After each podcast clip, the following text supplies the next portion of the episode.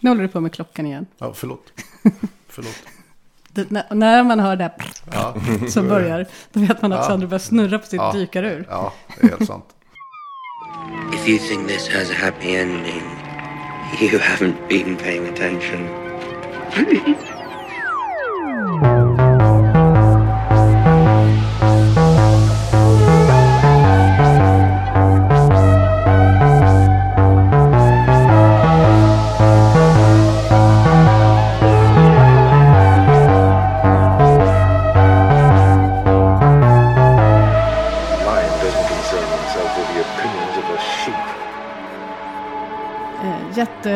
Till Weirwood-podden och nu eh, är vi inne på ett eh, nytt avsnitt på den enda podd som man behöver ifall man gillar Game of Thrones och kan svenska.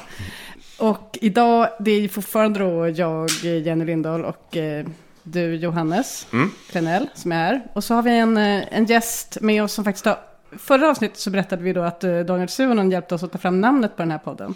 Eh, Sandra är faktiskt, Sandro Scocco är med oss. Du har ju hjälpt oss med att ta fram hela det här eh, eh, konceptet egentligen. Vi, att det här att vi sitter och är liksom nördiga är inte roligt nog, utan vi måste ju ha in någon som, som in, dels kanske inte är fullt lika innördad. Det blir en slags reality check när man pratar. Och sen också då som gärna kan något om politik. Det är jag som är dumhuvudet i sällskapet helt enkelt. Det är du som är, nej, men är du som då är våran reality check här, Ja, vi kallar det för det. kan man säga. Den mänskliga faktorn. Men- Han som inte begriper någonting. Alltså inte ett vanligt dumhuvud heller, utan en som, är, som kan politik i poängen, lite grann, som vi har kört med. Eh, ifall det är någon som undrar varför, hur vi valt våra gäster, så, så, är det så. Eh, idag ska vi, ja men kan inte du, du- du, du har ju följt tv-serien sedan, sedan början, eller hur? Ja, det är riktigt. Ehm, så att du är ett fan av tv-serien. Det är alldeles sant. Eh, det är väl lite, lite därför du är här. Men också så då ska vi prata idag om eh, en, eh, en av de absoluta huvudkaraktärerna igen, nämligen Cersei Lannister. Nattens drottning. Nattens drottning, first of her name. Queen of the Andals, the Royner and the First Men. Hur är det sen? Protector of the Realm. Long may she reign. Henne ska vi prata om. Varför gillar hon titlar så himla mycket? Eh, Ja, men det är väl ändå mäktigt. Tänk om någon alltid presenterade dig med en sån lång ramsa. Det skulle väl ändå vara härligt. Ja, Det skulle ta rätt mycket tid i alla fall. Ja. Man skulle hinna tänka efter en stund på vad man vill säga. Ja. Ja, Förbereda jag- en längre föreläsning. Jag skulle gärna ha som typ som Miss Sunday som Daenerys har som går med och bara ropar ramsan hela tiden. Men kom inte det där liksom från den feodala strukturen där, där vi inte hade nationer utan man just var sådär kung eller prins eller furste över massa eh, landplättar. Och hade man snott en landplätt då blev man ju första av det där också. Så att när man liksom skulle presentera sig själv så blev det en smärre roman när man skulle tala om alla de här landområdena. Prins utav det, första av det, kung utav det och så kunde man hålla på sådär en kvart om man var framgångsrik. F- Fast Västerås har ju varit under samma styre en hel kontinent i 400 år. Inte 400 år. Det är väl 289 eller något vi är på efter Aegons Conquest. Är det så kort 200, tid? Alltså det är under 300. Ja, ja, där lutar jag åt Jenny. Jag tror också att det är 289. Nej, jag har ingen aning. Ja, men det är, jag, jag litar på Jenny, det är hon som är proffset här. Jag kände också bara att jag sidar med Jenny. Ja, men det är ändå 289 år, alltså det är ju inte ett danskt kungahus, men det måste ju ändå finnas någon sorts självförtroende då. Ja, jo men det är stabilt. Alltså Mm. de sju kungarikena är ju stabilt. Men, men det, man kan väl också tänka sig att det i och med att det är mindre stabilt efter att eh, Robert Baratheon dör. Mm. Så, och, och kungarnas krig bryter ut och så vidare. Så är det väl kanske en ännu större poäng att räkna upp då vad man, vad man räknar som sitt territorium. Det vill säga alla de sju kungarikena. Mm. Inte, bara, inte bara typ de här södra eller så. Ja, det är också viktigt. Man claimar ju i sin titel också. Man, man behöver ju inte vara kung över det man påstår att man är kung. Utan bara tycka att man har claim att vara kung. När de presenterar Daenerys då säger de, de ju alltid att hon är the rightful queen of the Andals, the Royner and the First Men. Eh, så att de hävdar inte att hon är det. Nej. För det är fortfarande Cersei. Men eh, Sandra, vad, vad, vad har du för känslor för Cersei? Ja, Jag tycker hon är en eh, magisk kvinna. Jag gillar henne. Ja. Sen den här podden hoppas jag kan få tillåtelse att vara lite mindre politiskt korrekt också. Men så att Jag tycker att hon är otroligt vacker också. Det är hon ju. Det är, av henne, det är hennes grej lite. Ja, men hon är ju vacker, hon är cool, hon är självständig. Ja, jag gillar henne.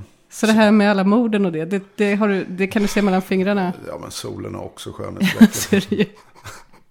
Men gillade du Cersei från början? Från första, första avsnittet? Ja, liksom, eller har ja du men jag har alltid fram? gillat henne. Alltså jag har den här liksom förlåtande Wilkinson-tesen. Vi har ju en annan liten podd du och jag som vi leker Mm. med. Och där vi hade en professor som heter Wilkinson som var med som har skrivit en bok om det inner level. Och det, där tyckte jag han formulerade sig väldigt bra. Att, att det här med att människor blir på ett visst sätt. Det blir de som strategier i förhållande till det samhälle de växer upp i. Och så tror jag man måste se Cersei. Att han, hon, är, hon, hon är väldigt Wilkinson-aktig. Va? Alltså, hon är ju fullständigt amoralisk. Ehm, Men det är ju, ser jag då, som en, liksom en produkt av hennes uppväxt helt enkelt. Så jag, jag skyller inte det på henne. Jag förlåter henne. De har ju haft en väldigt hård uppväxt, hela den familjen, under Tywin, deras pappa. Som, var, alltså, som inte bara var iskall, utan också ganska förbittrad då eftersom hans hustru Joanna dog i barnsäng när Tyrion föddes, yngsta sonen. Och, men in, redan innan dess så visar han ju liksom exempel på att, att han var ju fullständigt kallblodig. Alltså han, han rensade ju ut hela adelsfamiljer som gjorde uppror mot honom. Som då, de här The Rains. Precis. Låten som ofta kommer, Mm. eh, Reigns of Castamere, den som spelas på The Red Wedding till exempel. Mm. Den handlar det finns en fin scen där eh, Cersei förklarar historien för Marjorie. Mm. Som ett varnande exempel. Att eh, the, eh, the Rains, de var ju då den näst rikaste familjen i Westeros. Se hur det gick för dem.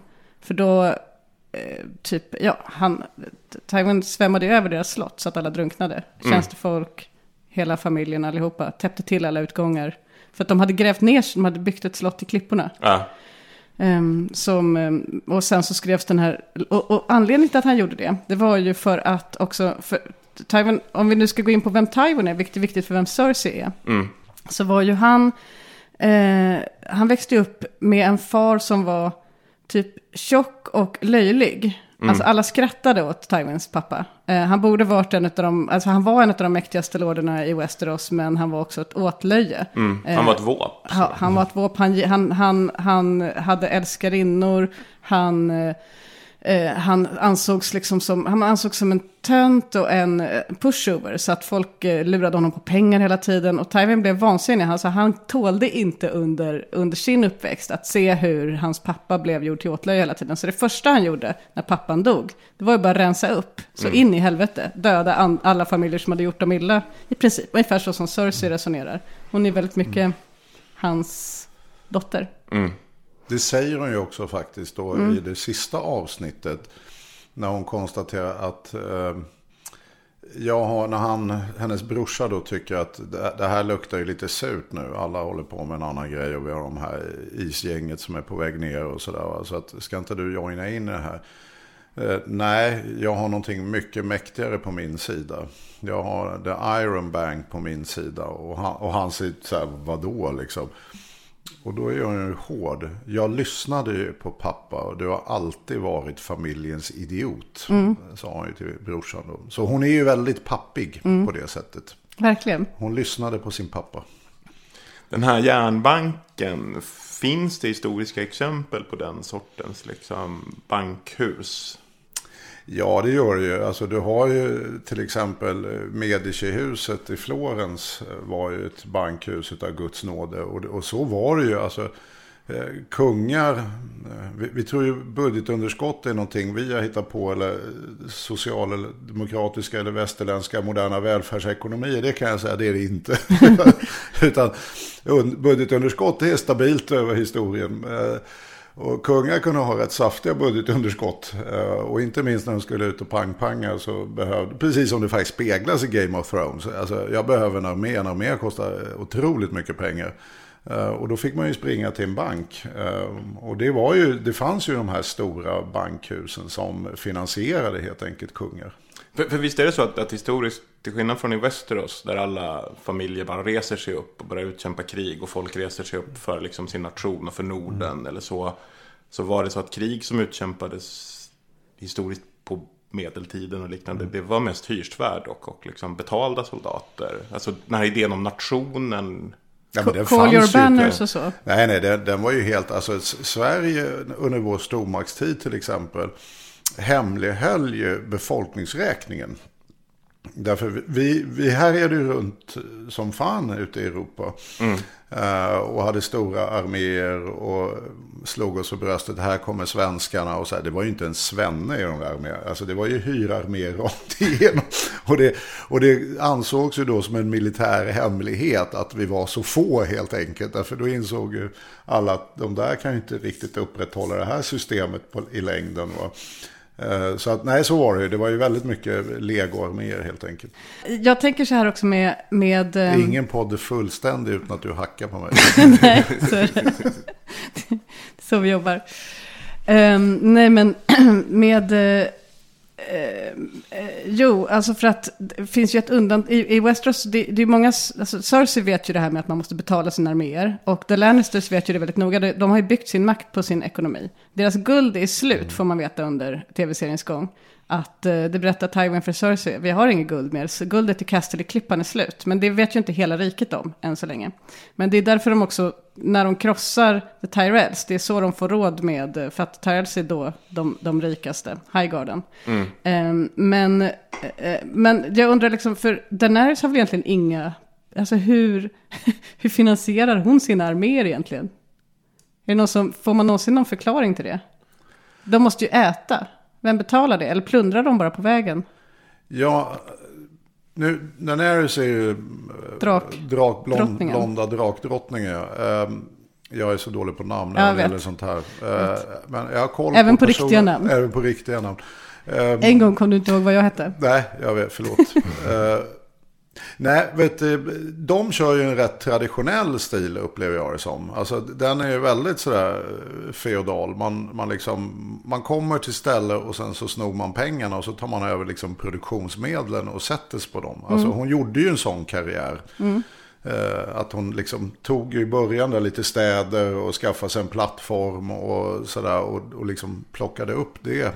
Den skattbörden i den staden helt enkelt. Så att, eh, ja, nej, det, hon, hon, hennes produktionsmedel, eller hennes pengar kommer ju från att hon har ockuperat andra områden helt enkelt. Men det måste ändå vara jättedyrt att utrusta den där enorma Dothraki-armén med vinterkläder, tänker jag. Ja, det är dyrt.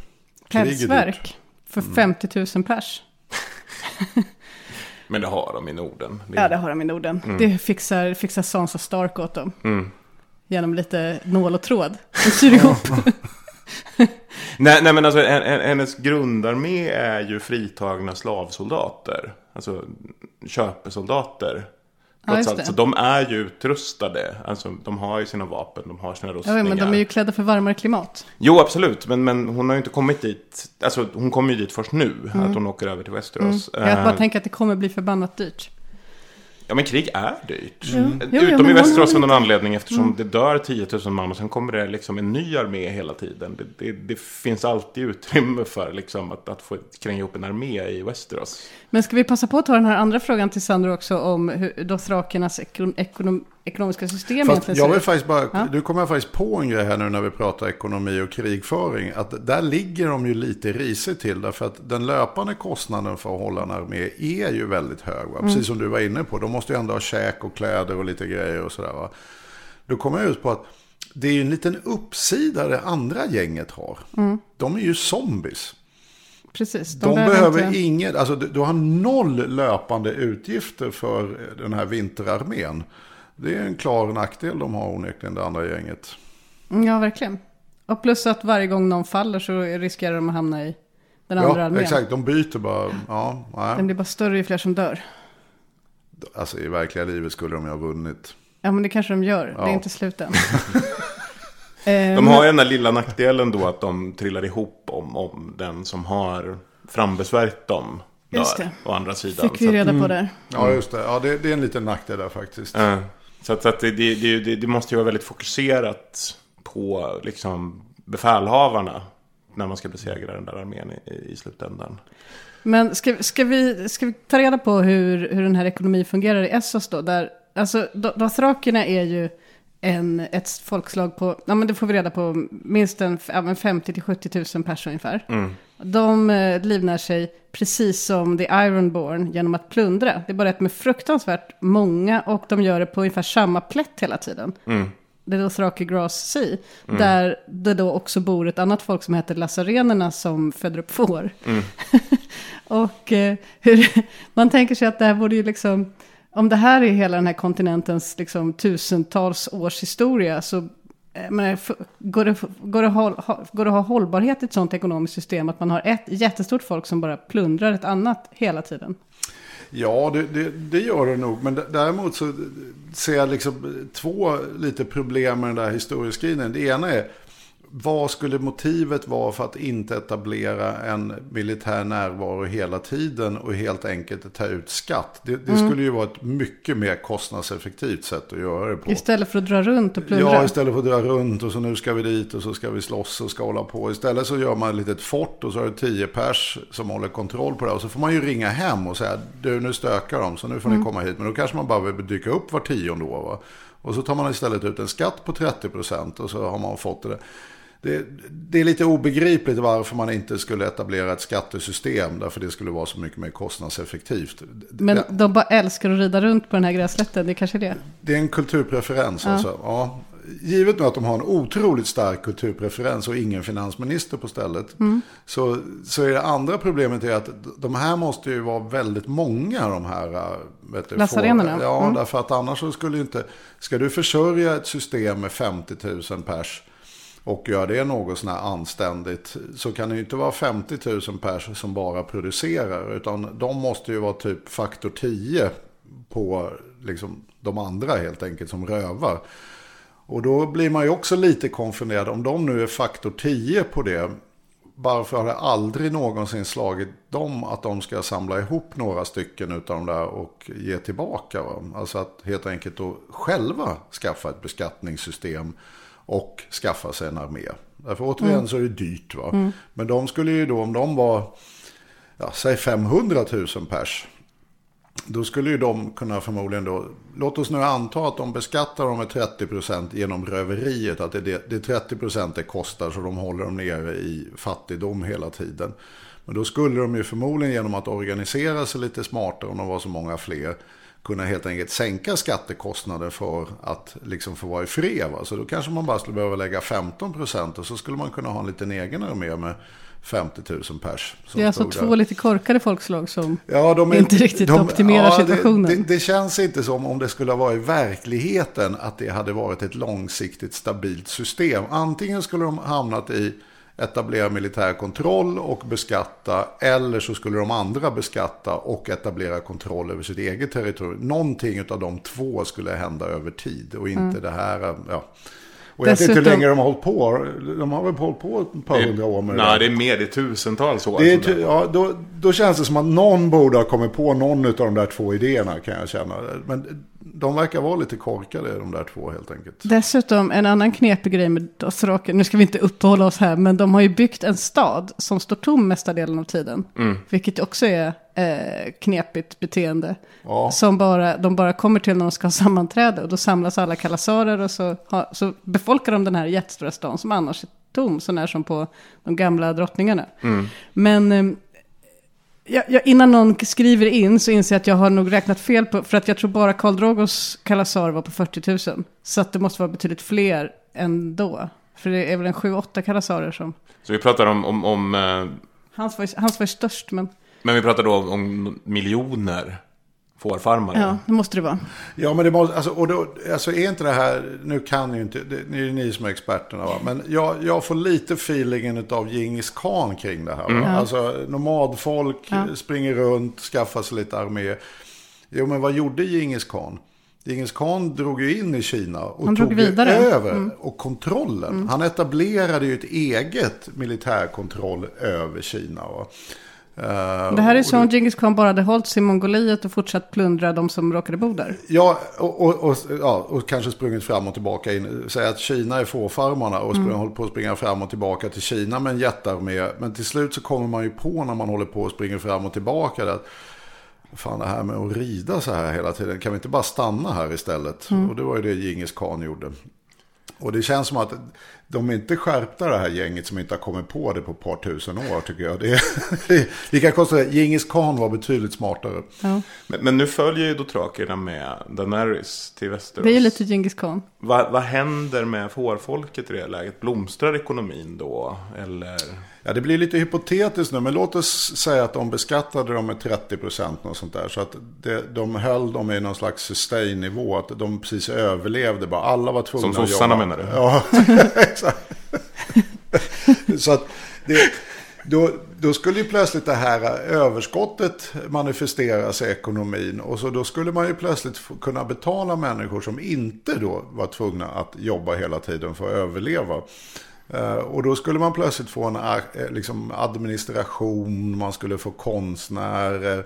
Alltså helt enkelt folk som är betalda utav andras folks arbete skulle sannolikt komma till stånd. PR-konsulter. PR-konsulter, ja, eh, influencers och såna här saker. Och, och det skulle ju kunna vara lite allvarligt för det här gänget. Därför att om de kommer tillbaka hundra år senare. Då är det ju fullt möjligt att de helt enkelt har utvecklat då just denna stat. Och då kommer ju de säga att Nej, men nu tjackar vi istället 50 000 pers. Och Då går de till The ihjäl." Iron Bank of Bravos och Ja, säger... exakt. Va? Så att det, det skulle kunna starta upp helt enkelt en evolution utav det samhället. Eh. Som då dothrakerna kan återvända till och börja Fast då kanske de möter betydligt tuffare motstånd. eh. Det, det är väl möjligtvis det då.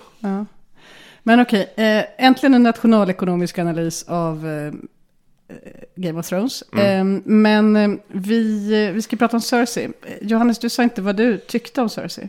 Men jag, jag gillar Cersei. Alltså,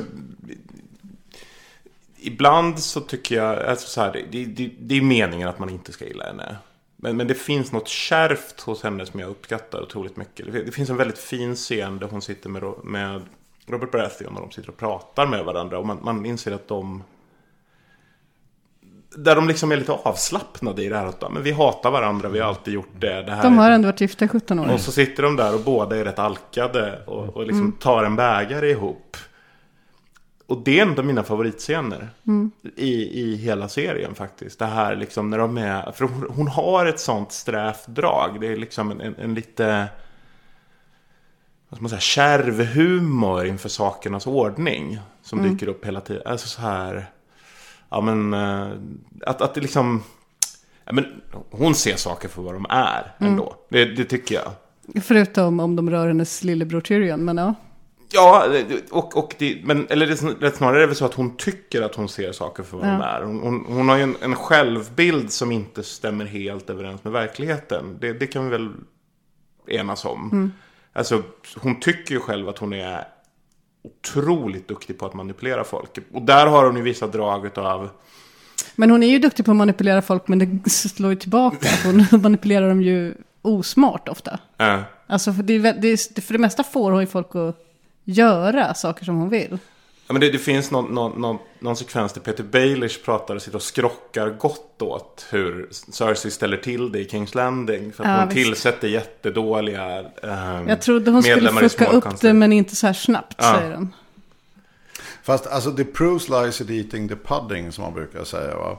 Och jag menar, hon är ju trots allt drottningen och det är ju faktiskt det som är the name of the game. Så, så, så misslyckad är hon ju inte. Mm. Nej, Alltså, Fast hon har ju blivit drottning för att alla hennes barn har dött. Jo, Det är liksom- jag vet. Prislappen har ju varit rätt hög för stackarn. Eh, Jag tycker lite synd om det. Det det har varit tufft. Men det är ju andra, många andra personligheter i den här serien som har strukit med och dött kan man väl konstatera. Ja, som, visst. som det har gått betydligt sämre för. Hon har ju repat sig från eh, rätt mycket elände och ändå sitter hon på järntronen nu. Ja, exakt. Men jag tänker den här scenen som du säger Johannes med Rob- Robert och hon. ehm, alltså det är någonting som är väldigt, väldigt sorgligt med deras... Eller ja, de, de, många människor accepterar ju sina arrangerade äktenskap i den här tv-serien. Men Cersei har ju svårt att göra det. Eller rättare sagt, hon, hon skulle bli bortgift med prins Rhaegar. Det sket sig för att eh, Aerys lurade hennes pappa, så att det blev hon inte. Sen dog ju prins Rhaegar, så det spelade ju ingen roll. Sen var hon bortgift med Robert. Mm. Och den dagen när de gifte sig, då var hon helt nöjd med det. Hon var helt fin, hon var lycklig när de stod på trappan. Men han var också väldigt snygg Han då. var snygg, hon gifte sig med den snygge kungen som alla älskade. De de stod på trappan, hade just gift sig. Eh, ända till bröllopsnatten där han typ vart aspackad som han ju alltid blir. Eh, och sen dessutom eh, viskade Lyannas namn. Efter det så vart det aldrig riktigt bra för Cersei igen. Men eh, hon, vad heter det? Alltså hon, eh, hon är ju otroligt, för det händer ju flera gånger, hon blir bortgift igen. Hennes pappa försöker ju lyfta bort henne, gifta bort henne med Loras Tyrell Mm. senare. Eh, och alltså hon är ju vansinnig över att bli betraktad som en tillgång för Tywins eh, politiska spel. Hon ser sig ju som en, en makthavare i sin egen... Och det alla vet ju att de blir bortgifta i den här världen. Alla blir bortgifta, det är bara att acceptera. Men hon vägrar ju, både när det gäller Robert så kan hon inte riktigt acceptera det ödet. Att hon inte, att hon, hon hänvisar ju till det ofta. Alltså typ att hon bara blir bortgift som någon slags mär som ska, alltså hon kan inte riktigt acceptera det ödet. Och det är inte så konstigt heller eftersom Robert misshandlar och våldtar henne hela tiden. Eh, vilket man ju får se i den här scenen, som är den här eh, fantastiska scenen med Ned Stark när de när, när han avslöjar att han vet om eh, incesten. Mm. Eftersom Ned är en klåpare. Ned är en sån jävla idiot. Men han bara, ja men jag vet om incesten, jag vill ge dig och dina barn en chans att fly Kings Landing så ni överlever. Det är då som, som Cersei som svar på detta säger, Jamie told me about the day King's Landing fell. He was sitting in the Iron Throne and you made him give it up. All you needed to do was climb the steps yourself. Such a sad mistake. I've made many mistakes in my life. But that wasn't one of them. Oh, but it was.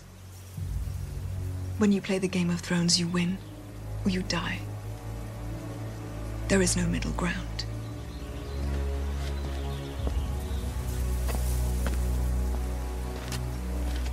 Vilket borde vara ett tecken för Ned att han ska dra illa kvickt. Eller typ döda henne. Men det gör han ju inte. Oh, ja. Skitsamma. Eh, där i alla fall så konstaterar ju också Ned att hon har blivit slagen i ansiktet. Och frågar, ja men typ, brukar Robert göra så här? Nej, inte i ansiktet, men... Eh, där tror ju hon att, att eh, Jamie, ja men hade, han, hade Robert slagit, slagit mig i ansiktet tidigare, då skulle Jamie döda honom, tror hon. Det ställer jag mig väldigt tveksam till. Skulle Jamie verkligen döda ännu en kung? Bara för att han har typ slagit hans syster? Ja, är jättesvårt att tro. Jag tror det. Du tänker han är ändå the Kingslayer, han kan lika gärna... Precis, har man gjort det en gång.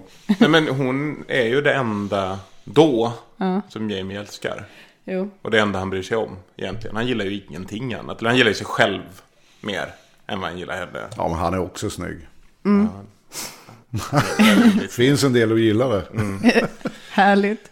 Nej, men det, det finns också en sån, sån teori faktiskt. Om att de, de här tvillingarna var aldrig kära i varandra. Utan i sig själva. De var kära i sig själva och det var därför de drogs till varandra. För att de såg sig i varandras spegelbilder. De, för att de är också ganska ytliga båda två. Ja.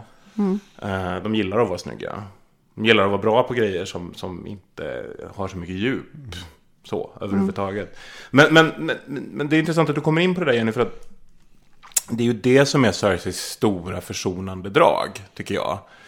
Alltså det här att, att i hennes karaktär så har George R. R. Martin byggt in så mycket utav just frustrationen av att vara kvinna i ett extrem patriarkat samhälle. Hon är ju faktiskt den enda som verkligen, verkligen, verkligen protesterar mot det. Hon vill inte vara kvinna. Hon säger Nej. att jag önskar, om jag hade varit man hade jag varit Jamie, då hade allt varit mycket lättare. Mm. Hon hade ju haft andra rättigheter, hon hade, men hon hade fortfarande blivit bortgift, för det blev ju även män i den här. Mm. Men då hade hon kanske inte blivit våldtagen efter det. Nej, nej men alltså det, det, jag, jag tycker att hon... Jag tycker det, där, han, han, det finns få karaktärer där han lyckas med så mycket djup. Som med Cersei. Eftersom man avskyr henne så himla mycket. Men så kommer den här delberättelsen in. Det här att hon är beredd att göra vad som helst för sina barn. Men också den här frustrationen över det patriarkala samhället. De andra accepterar ju det i mycket högre grad. Jag kan det inte bli en då i och med att hon väljer att leva precis tvärtom på många sätt. Liksom. Men hon ser väl sig själv bara som ett undantag. Mm. Eh, men, men Cersei har ju ändå analyserat situationen med sitt kön. Och tänkt att det här är inte bra. Mm. Nej. Det är inte rimligt. Hade jag varit man då hade allt varit så här. Mm. Då hade min pappa lyssnat på mig. Då hade, då hade folk eh, tagit mig för vad jag är och så vidare. Och nu är det ingen som ser det för jag är bara kvinna. Ja, för till skillnad från Jamie så ser ju hon också sig själv som sin pappas jämlike. Mm. Ja, nej, men det, det- jag kommer ihåg en scen när han just behandlar henne. Just, du lägg dig inte i det här och så vidare. Och, och då, då var hon ju så uppenbart frustrerad över att det var på grund av att hon var kvinna. Och dessutom inte heller då var egentligen arvtagare till familjens ja, så att säga makt och så Nej. vidare. Så att, och då var hon ointressant. Du, du ska ändå iväg någonstans och där ska vi hitta ett bra parti så att vi får någon slags det, de som ska ärva, det vill säga männen, de ska ha nu nytta av det du gör. Och det är därför jag har, har det här rätt försonande synen på henne. Att, alltså hon är ju så oerhört mycket en produkt av både då att hon är kvinna och sen en miljö där alla håller på att slå ihjäl varandra. Och miljön är ju rätt amoralisk. Alltså det är no middle ground liksom. Utan här, här liksom dör man eller så vinner man liksom. Och, och givet det plus då att hon anammar alla de här strukturerna värre än någon annan. Vilket inte är så ovanligt. Att, att den som inte får vara med va, är ju den som oftast går till överdrift. Va? Jag menar, jag menar, det spelar liksom ingen roll om det är ja, nyinflyttade människor på Östermalm. Va? Det, det, det är alltid de som har alla kläder rätt och alla liksom, bilar, möbler. Liksom, där, därför man är så nervös över att egentligen inte tillhöra. Och då måste man liksom göra allt rätt helt enkelt. Medan de som är självklara i miljön kan kosta på sig lite slack. Liksom att ja, men jag är lite så här och jag är lite så här. Men du vet, jag är ändå här. Va? Och är man då man och maktspelare och vet att man är arvtagare i något familjeläge. Ja men då har man ju den slacken att man, ja men visst, så här, man behöver inte döda alla liksom och sådär. Va? Men alltså hon, i och med att hon står utanför så måste ju hon liksom bli värst utav den kulturen. Och det tycker jag hon är. Va? Alltså, Det är en underbar sprängning hon gör där. Va? Eh, och Ja, det är ett fantastiskt power move. Ja, det får man ju säga. Va? Och, och som ingen liksom riktigt förväntar. In, inte ens de här grabbarna då som skulle förmodas göra sådana här power move har balls och göra de här power moven. Så hon, ja, jag tycker det är så här, ja, det är lite så svårt att, det är väl okej. Men, Men, men, men, men hon är ju också ett as. Och, och är ett as i grunden. Det finns ju den här liksom, bakgrundsstoryn från när hon är barn och Tyrion föds. Och hon går och nyper Tyrion i snoppen. Ja. Alltså hon, som hon och plågar prins Oberyn berättar för Tyrion när han sitter i fängelsehålan. Ja. Men nu kan inte jag riktigt den storyn. Men är inte det därför att mamman dör? Jo, hon, Alltså, hon, hon, hon, har, ju, hon hon har ju... ju en, alltså en genuin beef med honom. Verkligen. Mm. Dels så vart han ju inte då enligt den, den gängse modellen. Utan liksom, ja, var ju då dvärg och... Cersei är en stark funkofob. Mm. Ja, och hon är ju det. Hon är ju funkofob, vilket i och för sig är hela kulturen om man ska vara ärlig. Om man nu tänker sig den allmänna bilden också. Så det var ju inte unikt för henne.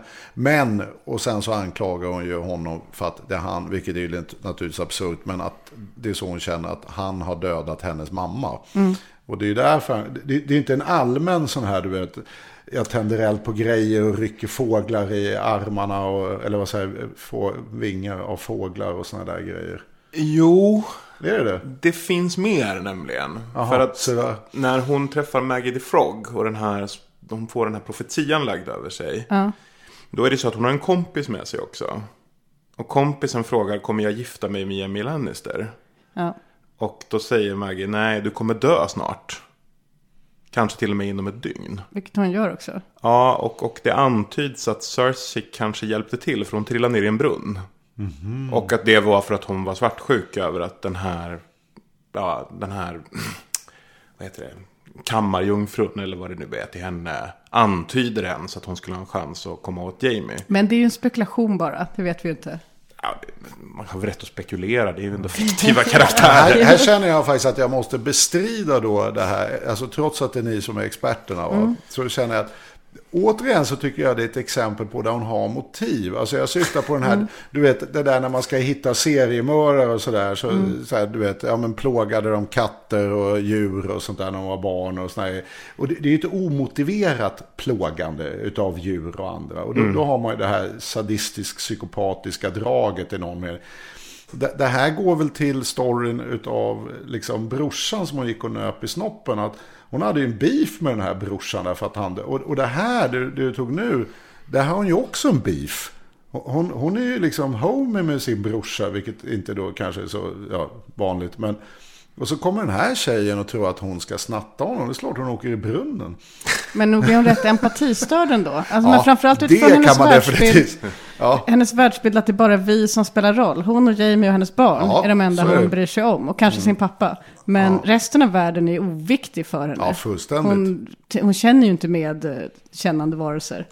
Eh, och, så att hon. Men hon dödar inte random. Det är bara, nej, nej, det gör är hon bara- inte. Hon dödar, alltså, hon dödar ju inte på kul. Nej, Nej. det gör hon faktiskt inte. För det är, det, det är första gången som hon faktiskt märker vad hon har för en son i Joffrey. Ja, Det är, just det. För hon vill ju Hon absolut ju- inte... Han, hon fattar ju Ja. att vi kan ju inte hugga huvudet av Ned Stark. Mm. Vi måste ju skicka honom upp till Castle Black och låta honom svära eden där och liksom bara få undan honom. Men vi kan ju inte avrätta honom Och för då han blir har det ju ju krig. plågat djur när han har varit Just barn. det. Och hon har blivit bestört över det. Mm. Paul tror jag hon säger. Eh, sakerna han gjorde skrämde mig, något sånt säger hon Mm. till, till Sansa. När de har en, det här är också en intressant fan, jag får ju hem mitt case här. Ja. Nu kommer jag också Ja, ihåg. när Han var ju just en sån psykopat. Ett riktigt svin. Hon tycker att det är obehagligt. Och hon gillar inte det. Nej. Men eh, det här är också, tycker jag, hela den här sekvensen. När, man titt, när jag tittade om de här säsongerna där, de, där Cersei sitter och, och, fort, och i Kings Landing och har... Alltså det, det, finns, det finns ju otroligt mycket möten hon har med folk då. Dels så sitter hon och har mängder av möten med Tyrion. Sen sitter hon och har mängder av möten med Sansa. Där hon alltså, typ sitter och ger olika goda råd. Som till exempel hur du ska dricka mycket och eh, använda din fitta för att liksom vinna över folk. Fast, ja. Herregud, vilket språk ja men hon. Cersei säger såklart inte så. I should have been born a man.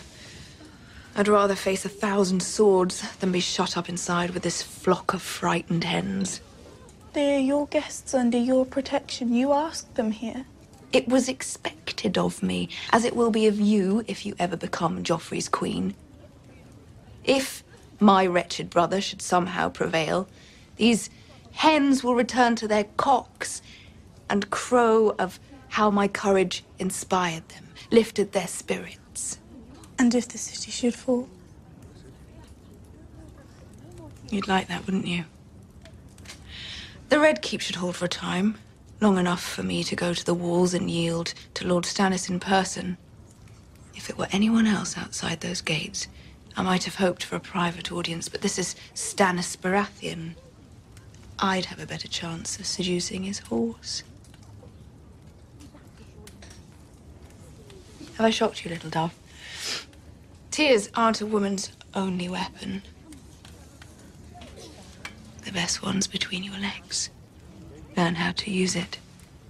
Drink. Sansa. Alltså hon, hon är en ganska dålig, dålig liksom modersfigur på så vis. Men det är ändå, alltså, typ, hon är ändå tar sig tid och ger råd här till Sansa. Så det är ganska fina scener ändå tycker jag. Som Sansa också tar till sig. Ja, ja, hon tar till sig det här. Och, hon, och så, så, också en fin scen när, när, hon, hon, när Sansa säger, men just det, Cersei säger, du kommer älska dina barn. Eh, du ska göra allt för dina barn. Och så, men, men ska jag inte älska Joffrey, säger Sansa. Permit me to share some womanly wisdom with you on this very special day. The more people you love, the weaker you are. You'll do things for them that you know you shouldn't do. You'll act the fool to make them happy, to keep them safe. Love no one but your children. On that front, a mother has no choice. But shouldn't I love Joffrey, Your Grace? You can try. Little dove. You can try, säger Sansa. men, eh, jo men i alla fall, och sen så är det jättemycket möten med, med Tywin. Och alla de här är liksom definierande för när man följer hennes personlighet, så här, vem är hon och så. Ehm, och eh, ja, men hon, hon, hon utmålar sig som en stor skurk, men jag tycker ändå dels att hon är ganska resonabel både med Sansa och med Tyrion. Alltså hon sitter ju, hon sitter ju och diskuterar strategi och taktik med Tyrion. För att han är, han är utsedd till, till hand och hon måste göra det så att säga. Det är ju motvilligt, hon hatar honom. Men, men hon lyssnar ju på honom, hon, res, hon resonerar, de reflekterar mot varandra, de debatterar. Det är ändå två liksom jämlikar som ändå respekterar i någon mån varandras åsikter. Och sen tänkte jag också när jag såg om det för att scenerna med, med Tywin. Att hon har ju hela tiden uppfattningen att han inte lyssnar på henne, att, att, att han inte bryr sig om hennes åsikter. Men han lyssnar ganska mycket på henne därför att han är den enda som han drar sina, alltså hon, han drar sina planer för henne hela tiden.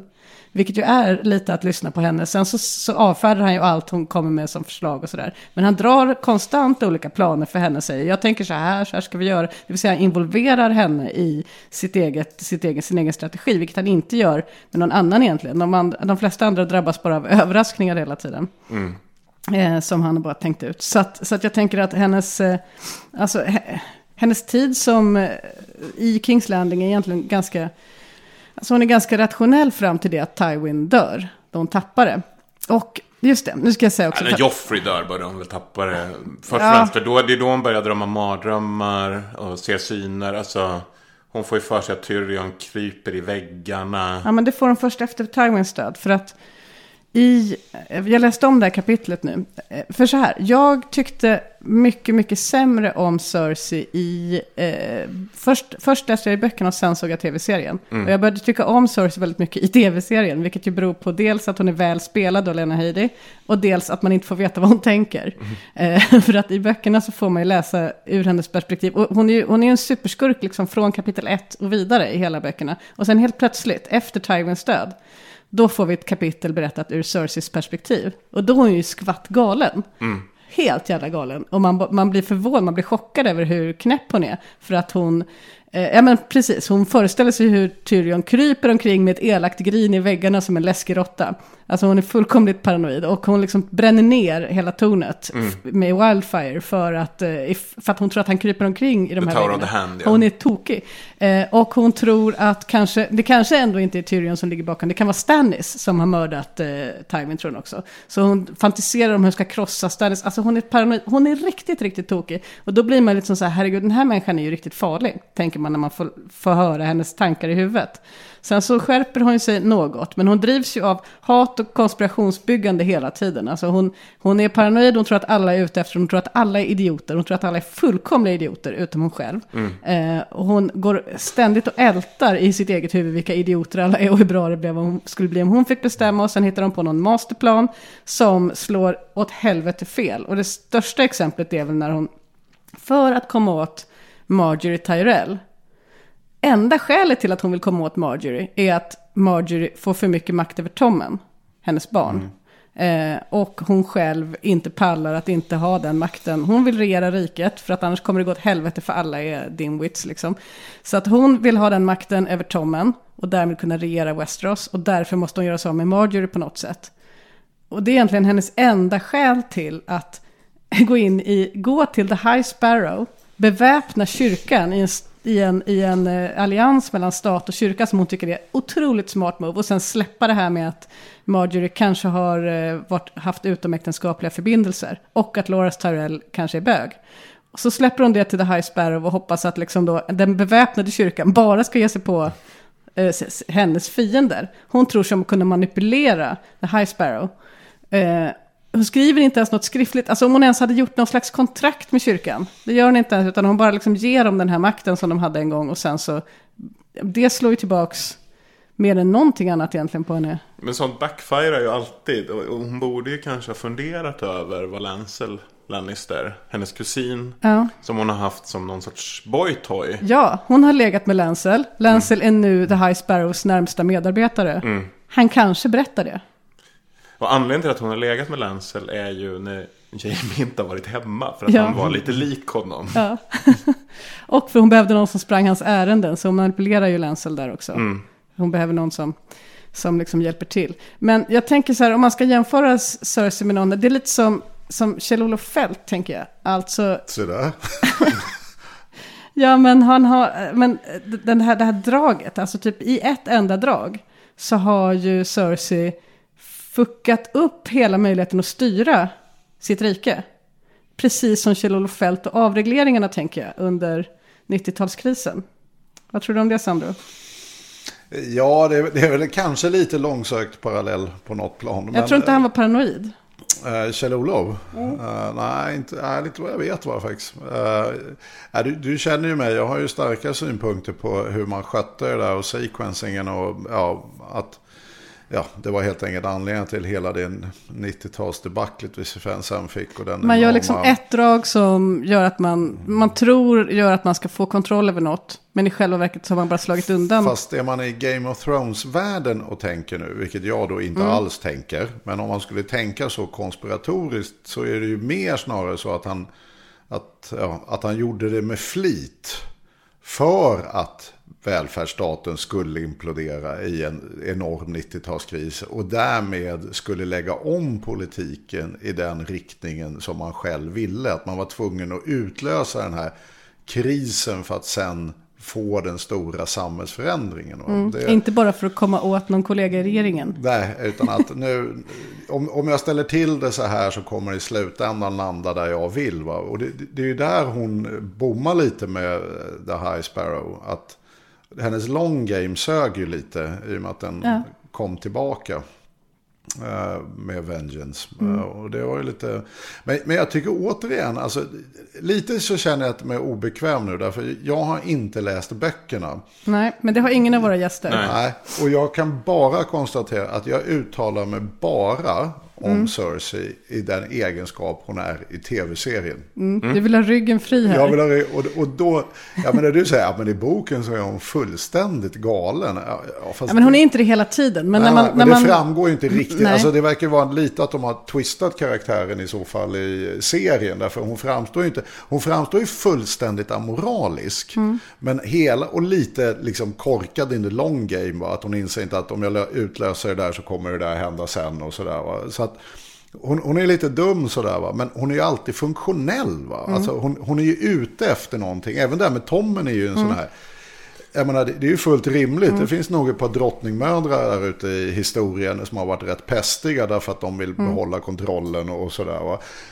Och det är ju det hon är ute efter. Hon är ute efter att vara drottningen. Och, och, Ja, men jag ska säga och i Marjorie böckerna- ställer ju till det. Du Liksom. har läst, när du kommer till det här Cersei-kapitlet, då har du läst tre hela böcker där Cersei beskrivs utifrån hela tiden. Mm. Och, på samma sätt som i tv-serien ungefär.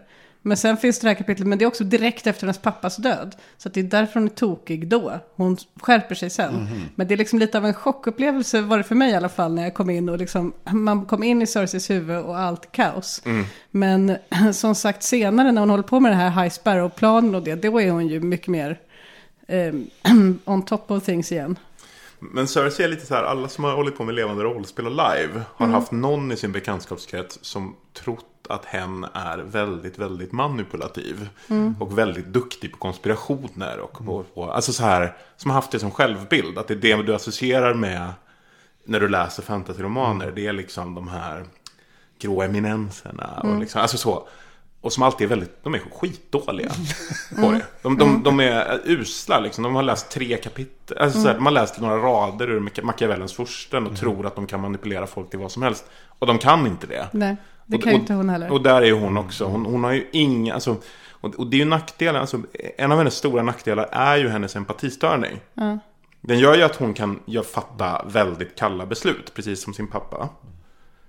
Men hon har ju ingen empati, så hon förstår ju inte vad det sätter igång för mekanismer hos andra runt omkring henne. Plus att hon är inte kall, hon är passionerad och förbannad mest hela tiden. Alltså, jag lyssnade på en podd som pratade om det. Att hon är absolut inte kall. För att det, det är någon som konstaterar det. För att Jamie kallar henne för... Eller, ja, det är väl Jamie som kallar henne för uh, Tywin with teats. Mm. Alltså Mm. Tywin med bröst. Men som också konstaterar att, att Tywin är som en isbit.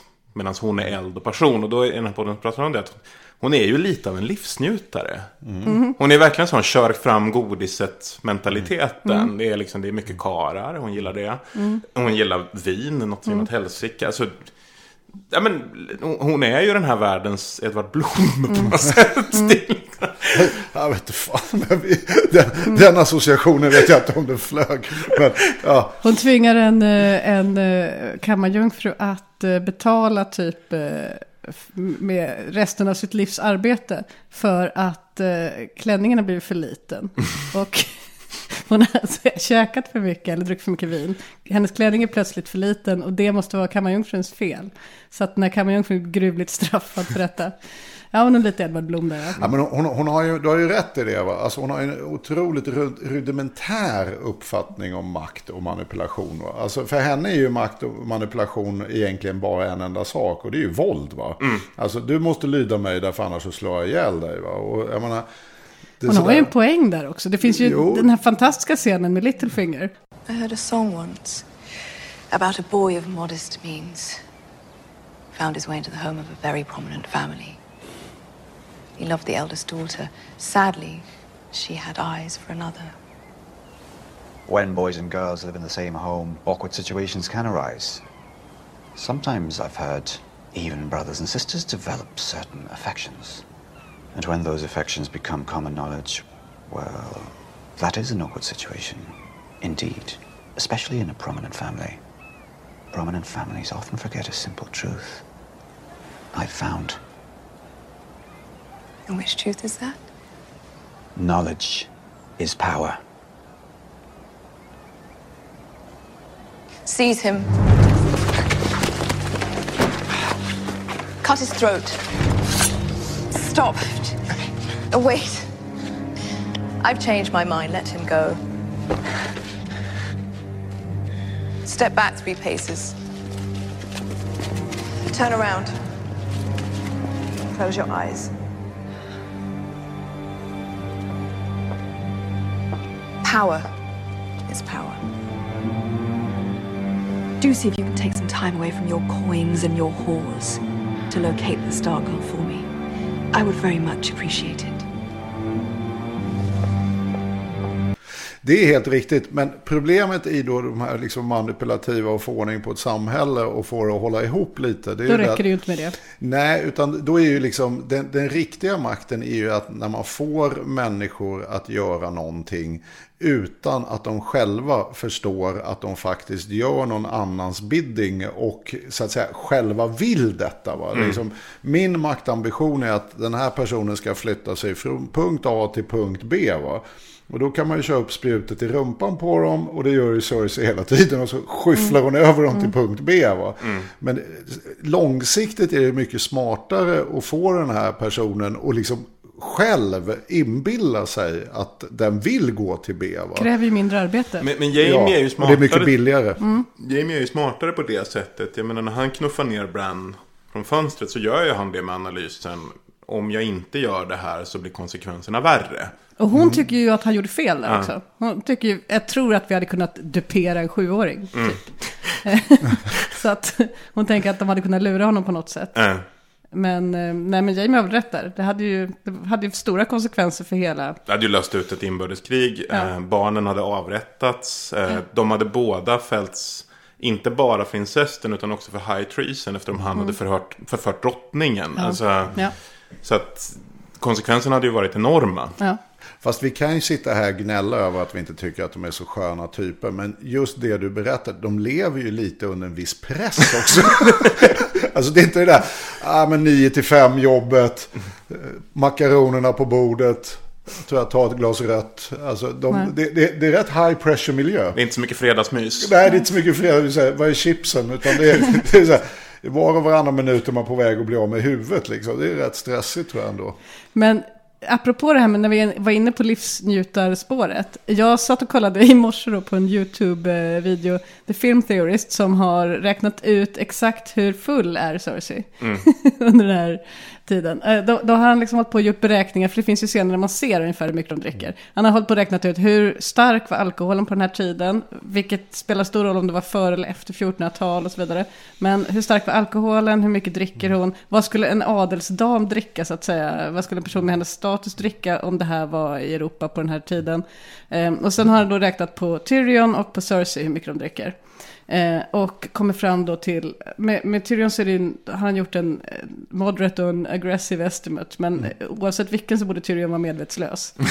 eh, vilket han ju nästan är. För Ja. till exempel på sitt eget bröllop så torkar han av munnen med bordsduken. Han eh, typ raglar, han ramlar Men han har ju omkring. supermycket ångest då också. Ja visst, Sansa håller på att skämmas ihjäl. Eh, det är hemskt. Eh, Medan Cersei, hon dricker ungefär lika mycket, eller kanske till och med mer. Eh, men hon tappar ju aldrig fattningen. Hon är väldigt, väldigt högfunktionell alkoholist. Eh, hon tappar aldrig stilen. Ibland så kanske hon liksom typ skvätter lite vin när hon gestikulerar. Hon, hon men, sprängde i och för sig en hel katedral. jo, men inte för att, inte för att, inte på fyllan. Men det vet vi ju inte. Nej, men det var ju noggrant planerat. Det här planerade hon ju i veckor.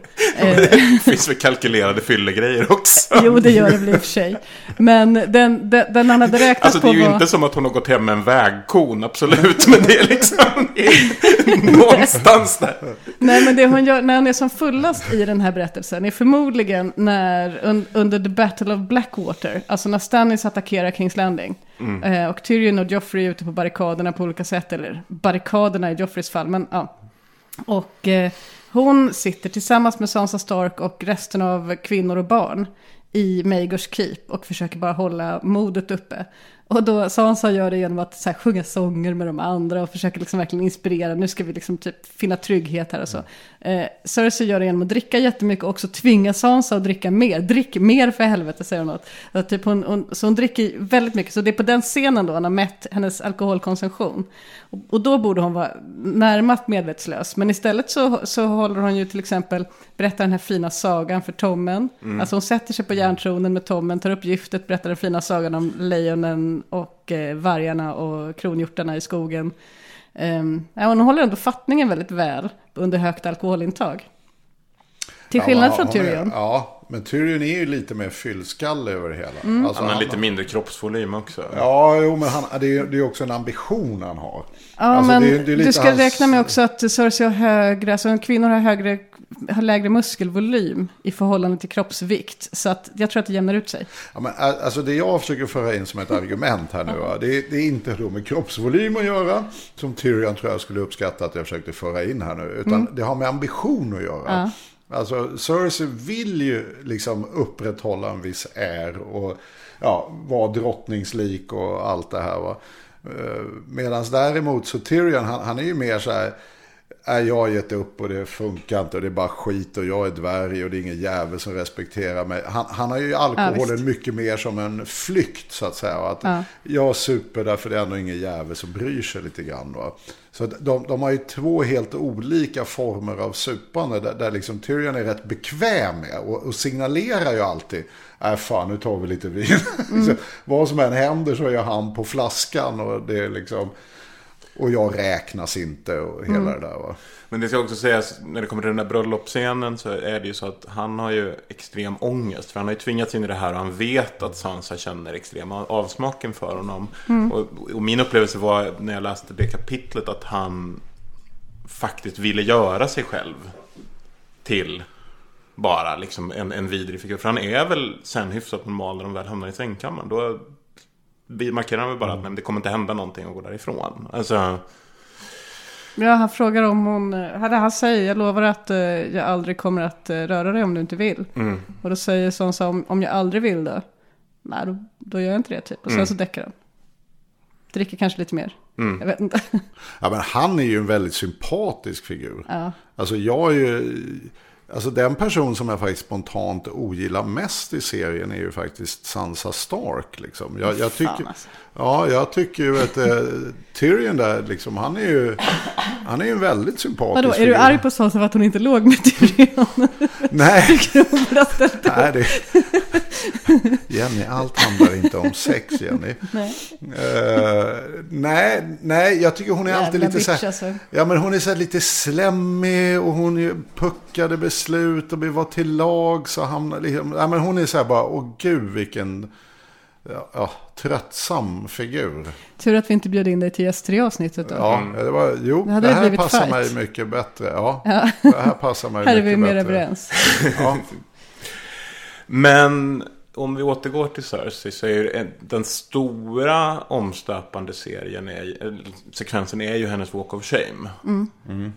Som i och det går inte riktigt att få fram i tv-serien kan jag säga. Alltså hur pass förnedrande det här är. För då börjar hon ju tänka på sin farfar. Som Mm. hade någon älskarinna som tydligen fick gå en sån här walk of shame. Och som Exakt. inte kunde hantera det utan I bröt ihop. Eh, och hon tänker det här ska inte bli jag. Att Tywin som skickade ut eh, pappans älskarinna på walk of shame. Ja, efter att, han, att farfar hade dött då. Så var det liksom, det var det, det var det som hände henne då. Att, att så här, ja men du, nu ska du straffas när den du har levt med har avlidit. För de, de, om jag förstår det rätt så, så hade de ett, ja men, de levde väl typ ihop liksom. Men det var inte Tywins mamma utan det Nej. var liksom en annan kvinna som hade kommit in i Mm. pappans liv helt Mm. enkelt. Men, men då tänker Cersei hela tiden, jag ska inte bli likadan. Jag ska göra det här med värdighet. Och så går hon den här walk of shame och får höra vad folk säger om henne. Och ju mer hon hör desto mer börjar hon reflektera över sin egen kropp. Alltså vad, hur den har formats av graviditeterna. Att hennes bröst som tidigare varit fasta nu har blivit liksom, platta och hängiga och liksom så här. Och, och, och viker sig. Alltså hon bryter ihop fullständigt under den här vandringen. Det är en riktigt lång vandring också. Ja, och, och det, det, är, det är faktiskt en helt fruktansvärd scen. För att, Mm. för att till slut så är det ändå hon tänker, de vet, de vet. Hon inser att folk ser henne och då ser de inte sin vackra dotter längre. De ser kanske sin mamma eller kanske sin fru. Eller alltså så. Mm. Att, att, att hon har inte den där skönheten som hon har förlitat sig på ganska mycket när hon har kommunicerat med liksom andra och hur hon ska förhålla sig till andra. Så hon har alltid vetat att ja, men jag är vackrast i rummet. Och nu under den här vandringen så inser hon, alltså hon bryts ner fullständigt under den här vandringen. En- Och till slut så är det för att det hon tänker på är att den här älskarinnan då skylde sig och sprang. Och att hon inte ska göra samma. Och att hon inte ska göra samma sak. Och i slutändan så gör hon samma sak och springer de sista stegen upp till slottet. Starkt. Mm. Väldigt starkt. Ja. Men det är också där tror jag som att hon blir helt hatdriven. Ja. Efter det. Plus, och så plus det första som händer när hon kliver in genom eh, dörrarna är att hon får i present av Kyburn Zombie Mountain. Mm. Eh, så att hon kommer in med det här hatet och sen Tom bara Strong. kommer den, den här, liksom, typ det här formidabla vapnet i hennes händer. Mm. Och, och hon som lyfter upp henne, hon får en mantel om sig. Så det är ändå så här typ första, den första liksom möjligheten till räddning man ser är ju våld. Mm. Det är också en av seriens finaste repliker tycker jag. Mm. I choose violence. Alltså det, det är ju så, man, det är alltid lätt att vara fördömande, men alltså, om man själv hade haft en liknande upplevelse så kanske man också skulle ha blivit en gnutta bitter. Ja. Det är, alltså, tjejen har ju råkat ut för en hel del, det tror jag är mitt case. Så är det. Eh, och sen är ju inte hon någon skön tjej, men det, det, är ju, det är ju så det är ibland i livet med människor som har råkat ut för mycket obehagligt. Att de blir inte jättesköna. Men vad kände ni när hon, när, för jag kände när Cersei spränger The Scepter, men man vill ju inte att Cersei ska dö. Men, eh, det vill man verkligen inte. Man vill Nej. inte att hon ska förlora. Men när hon sprängde Sept av Baylor och hela familjen Tyrell, sin egen släkt, alltså Kevin Lannister finns ju där och hela aristokratin i Kings Landing i princip. Ehm, jag tyckte ändå, alltså jag, jag stod ändå bakom henne någonstans känslomässigt i det ögonblicket. Mm. Hon fick sin hämnd för den här, allt hon har utsatts för. Eh, hon tar ett, ett liksom sipp på sin vin. Sen får hon också sitt straff omedelbart när Tommen hoppar ut genom fönstret. Så allt liksom jämnar ut sig i någon slags karma. Alltså, jag hade dubbla känslor. För att jag, jag kunde verkligen relatera med henne. Hon har behandlats jävligt illa. Och, och de där jävla sprättarna förtjänade det ju på något Mm. plan. Alltså så, och, och, och framförallt den där religiösa rörelsen förtjänade det. Så det sjöng om den. De är ju Mm. självgoda som helst. Det var Men- Marjorie och Laura som man kände lite för där. Ja, Kevin kände jag en hel del också för. Men Marjorie är framförallt för henne. Jag ville nog att hon... Alltså jag gillade den, jag gillade den karaktären väldigt mycket. Fast hon var ju inte heller det, om man, om man nu ska tala om sköna typer. Nej, helt var skön. oskön. Men hon är en ja. bra spelare. Ja, absolut. Jag- Man hade velat det- det en fortsätta schysst- ja, schackpartiet är- mellan Marjorie och Cersei. Ja, Mm. det är en schysst karaktär. Men just avdelningen förtjänar så var ju inte hon, tillhörde ju inte hon sköngänget så att säga. Va? Nej. Men det är också synd att de gav Kevin Lannister den döden, alltså hennes farbror. Mm. För att i, i böckerna så dör han på ett mycket intressantare sätt. Mhm. Han blir Hand of the King. förstår du. Och, Förstår du? och Du som inte mördas utav, utav, eh, De här barnen. ja, av de här barnen. De Den, här, den det här döden som de ger Grandmaster Pycelle i tv-serien. Mm. Precis, det- När alla Varys olika barn hoppar på honom med små knivar. Mm, fast här är det Quiburns barn. Men i, i bok- boken är det då Varys som har liksom en, massa fattigbarn som, som är spioner åt honom. Som kommer med olika liksom, information. Eh, Vad är de heter? Little Angels? Eller little, Birds. Little Birds, ja. Nej, Ja. fan vänta. Ja, jag vill säga det. Mm. Eh, men, men de dyker upp och dödar Kevin Lannister. Och innan han dör så kommer Varys in i rummet. Och säger.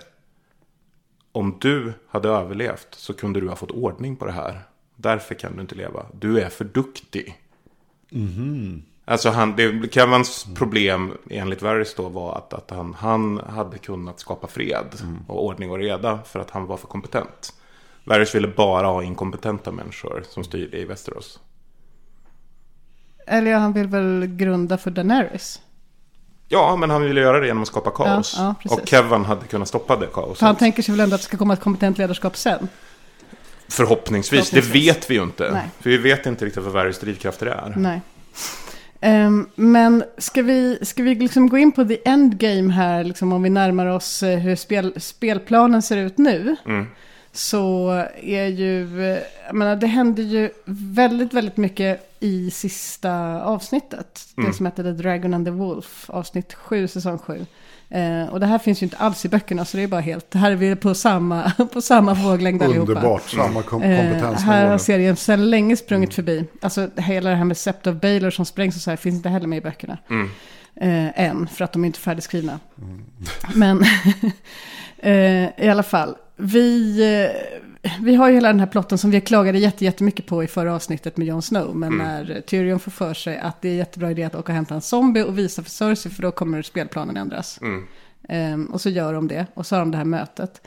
Eh, men det här mötet, det tycker jag, för mig var det en av Alltså från det alla börjar anlända till Kings Landing, de går mot eh, The Dragon Pit där, vad heter det, där det här mötet ska äga rum. Eh, folk börjar sammanstråla, folk som inte har sett varandra på länge, som till exempel The Hound och Brienne samtalar. Alltså det här var typ något av peak möten. I, Alltså jag älskar ju mötena, det är jättemycket möten och det är bra möten. Och det är liksom, världen avgörs ju rätt mycket genom förhandlingar på möten. Och det, det är ju vad Game of Thrones mycket handlar om. De sitter och har olika möten. Och här är ju typ the möte.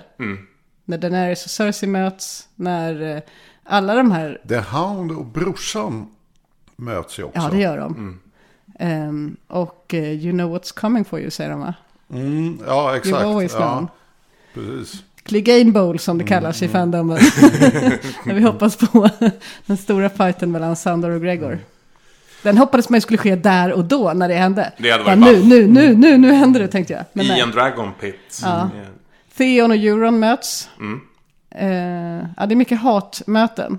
Och sen håller Tyrion sitt fina tal om att eh, vi är människor som inte tycker så mycket om varandra. Eh, men vi är fullt kapabla att kriga mot varandra utan det här mötet. Så att eh, syftet nu är ju att vi ska... Och sen kommer den här roliga demonstrationen. Zombien åker ut. Alltså det här är så roligt därför att jag vet inte, jag har ju hållit många presentationer i mina dagar. Det vet jag att du till exempel också har gjort Sandro, jag gissar att du har hållit en och annan. Man sitter och gör en powerpoint liksom, man sitter och liksom tänker, här ska jag se det. Och på något sätt så är det, de har ju förberett den här presentationen väldigt väl. Eh, Sandor kommer med lådan, han ställer ner den, han ställer ner den på exakt rätt avstånd. De har säkert, jag tänker att de har varit där och stegat upp det här avståndet. För att kedjan är precis så lång att zombien kan springa fram till Cersei utan att eh, röra henne. Och det kan de ju inte, en sån sak chansar man ju inte på. Eh, utan det måste, man måste varit där och liksom stegat upp det. Och sen så hugger han den mitt i tu. Och sen så hugger han, ah, och sen så liksom kommer det här när Davos kliver fram med tändstål. Jan håller fram en fackla. Alltså, allt är så repeterat. Och det, det, är så, det är så gulligt liksom att tänka sig att de har stått förmodligen i något tronrum någonstans på Dragonstone eller något. Och tränat. Gått igenom det här flera gånger. Men det härliga här är ju att Cersei blir inte så jävla imponerad. Nej. Hon är väldigt bra på att behålla sin composure, vad säger man? Ja. Sin... eh, Ja, fast här har ju du och jag bråkat och jag fick eh, rätt vill jag bara påpeka. Så var det. Eh, Ja, så var det. Vi var tvungna att gå in och, och ta upp och Ja, se vi vad- tittade vad sa på, de vi satt här på jobbet, tittade på bandupptagningen, eller på, på på liksom avsnittet och jag var tvungen att säga ja, ja, du har rätt. Ja, eh, vilket kändes stort med tanke på din expertis inom området. Men ja, jag tycker de här scenerna är fruktansvärt illa skrivna faktiskt. jag har varit bara irriterad hela tiden. Och det, och det, det, är, på, det är på ett sånt sätt att det är liksom, det går inte att begripa. Nej. Alltså, det- Men då här- tänker du på huvudplotten här då? Alltså Ja, typ inte, de inte här, den här PowerPoint-presentationen de gör tycker jag. Där, där verkar de ju ha tränat och Ja. stegat upp det och sådär va. Och, och de kanske skulle ha lagt lite mer energi på de- den andra delen som det mötet ändå Själva skulle- förhandlingen. Själva förhandlingen och inte bara presentationen. Va? Eh, där- Därför hela den här liksom grundplotten där allting liksom spårar. Jag har ju massa synpunkter bara på det här korta mötet. Men den ena är ju så att när, hon, när Cersei då kräver att du Snowgrabben, du, du får hänga hemma i borgen va, om det blir pang-pang här liksom. Så att han ska ha vapenvila då. Att Han ska inte välja får. Han ska inte välja sida liksom. Eh, Och då, då gör han ett statement, vil- vilket är ju då rimligt. Nej, jag hänger nu med den här tjejen, det här är min drottning. Va? Och är man nu någons drottning och han säger det, jag har svurit henne trohet. Va? Då, då är det ett väldigt tydligt hierarkiskt eh, liksom situation man är i. Det, är- det är drottningen som bestämmer, det är hela poängen med att svära någon trohet. Va? Att det är så här, ja, det är du som bestämmer, jag bestämmer inte. Och då säger han, du, du ska vara där. Och då säger han, ja, men jag har ju svurit till den här tjejen här borta istället. Ja, men jag vill att du ska hålla dig i dina baracker. Då, då är liksom det fullständigt självklara saken när man har etablerat det här maktförhållandet. Är ju att man vänder sig till chefen. Och så tittar man på chefen. Och då kommer chefen antingen skaka lite lätt på huvudet eller nicka lite lätt på huvudet. Mm. Och då går man på den instruktionen man har fått. Så då är man så här. Och ja, då nickar hon lite lätt på huvudet. Och då är han så här. Ja, nej, men det är chill. Jag tänker hänga i barackerna liksom. Istället så säger han så här. Nej, jag har lovat henne trohet där borta. Som jag skiter fullständigt i vad hon säger. Så jag bestämmer för att jag ska inte vara i barackerna. Och sen inträffar just det helt absurda att när de sen går därifrån. Då är ju mycket riktigt drottningen, hans då drottning, inte det, men hans drottning. Är ju då förbannad på honom. Han har sabbat allt. För att han har sabbat hela jävla upplägget va. Hon bara, hallå min drake dog för Det här. Hörde inte du den där grejen du började med att du hade svurit mig trohet? Hade du gjort det hade du varit halvsmart och kolla på instruktionen va? Den där pajsan skulle inte ha överlevt i regeringskretsar många sekunder kan jag säga. Det, det, det Han skulle åkt ut. han skulle ha åkt ut direkt va? Nej, men det där stör mig att det liksom, hela den plotten funkar inte strukturellt som har byggt Tror upp du den. att Daenerys hade kunnat rädda situationen den här stunden och säga okej, men då bestämmer jag att du går med på den här vapenvilan? Ja, alltså hon hade ju, i och med att han har, hon hade ju bara kunnat ställt sig upp och sagt ja åt honom. Och så hade han fått nicka. Mm. Nu får och hade du han göra sagt så här, nej det tänker jag inte göra, jag tänker ändå gå ut och pangpanga. Då har han ju just brutit trohetseden mot henne. Va? Ja. Och då, då är det ju hela havet stormar. Så att, nej, det, det, det, det är ett fundamentalt missgrepp i hur den där scenen designades. Men liksom. inte helt, tänker jag då, helt otrovärdig mot Jon Snows karaktär. Jo. Alltså för att eh, d- Cersei triggar ju honom. Hon säger så här, I would ask this only of Ned Starks son, because I know Ned Starks son would be true to his word. Ja, det är helt Eh, riktigt. och det triggar ju hans liksom, reflex att tala sanning. Jo, jo, men det är ju inte det han ska göra. Nej. Alltså om han... Jag håller med, Jag, men- jag håller med. Om, om hon nu säger så här. Du håller dig hemma. Hon nickar helt enkelt. Mm. Och han då säger, ja, då håller jag mig hemma. Då kommer ju inte han bryta sitt ord mot Cersei. Även om drottningen sen ångrar sig och säger att nej, och då skulle han kunna säga, nej, du har gett mig order att Mm. säga det och jag, jag står vid mitt ord. Så han hade ju mycket väl kunnat hålla sig till Mm. sanningen. Eh, genom att jag lovar att inte göra detta efter hennes nick. Va? Så det är helt oproblematiskt den här sanningsgrejen. Mm. Så det funkar inte alls med hans karaktär. Nej, men jag menar att han är lite korkad också. Ja, men Han är ju han, upp, ja, men han är ju uppenbarligen eh, korkad. Alltså, Ja. ja. När han just konstaterar en grej sen och sen inte fattar den grejen. Men sen är det ju andra grejer. Alltså de ställer ju till den scenen något magiskt. Va? Ja. Alltså det här med... Euron? Greyjoy. Ja, Greyjoy va. Att uppenbarligen har hon redan skissat före de går in i mötet. Före hon vet att de tänker dra upp en zombie. Ja. Att han ska göra någon exit-skiss och dra iväg och hämta arméer. Va? Lura alla att Lura han överger alla henne. att han överger henne. In publikum. Va? Och man blir lite så här. Ja, så drar de upp liket. Eh, och så blir det, show, blir det powerpoint-show. Eh, och då säger han så här. Kan de simma? Nej, äh, då drar jag till min ö. Vilket är ju en sjukt bra ursäkt. Att liksom, faktum jag kan inte simma, jag drar nu liksom. Och hon säger han är en ynkrygg och sådär, var Cersei då. Men de visste ju inte att liket skulle upp. De visste ju inte vad de skulle förevisa. Hade de haft info om powerpointen, då hade det där varit en bra skiss. De tänker komma med ett lik, du säger det här och du säger... Vad var skissen? Fast det kan ju ha funnits en annan skiss. Alltså Euron är ju rätt bra på att improvisera. Han är ju en lömsk jävel. men man vill ju veta vad de hade tänkt göra, eller hur? Ja, och sen kommer vi nu till trean va. Okej, då säger hon så här. Nej, det här skiter sig. Jag drar upp på rummet. Då kommer liksom Tyrion och säger. Nej, jag går och snackar lite med syrran. Och då ändrar hon hela skissen. Kommer ner och säger att hon ska gå med dem med sina trupper. Som då bara en blåsning igen. Ja. Men om det var hennes plan, att jag ska blåsa dem. Varför, eller varför skulle hon ha riskerat att Tyrion, som uppenbarligen riskerade att få huvudet halshugget, att han skulle dyka upp så hon fick en, liksom, en extra nummer. Va? Alltså hon gör ju hela sin plan i extra numret som ingen människa i hela universum kunde veta att det skulle inträffa. Nej. Eh, Så att det är lite så här, Det är mycket improvisation. Ja, och sen med brorsan då.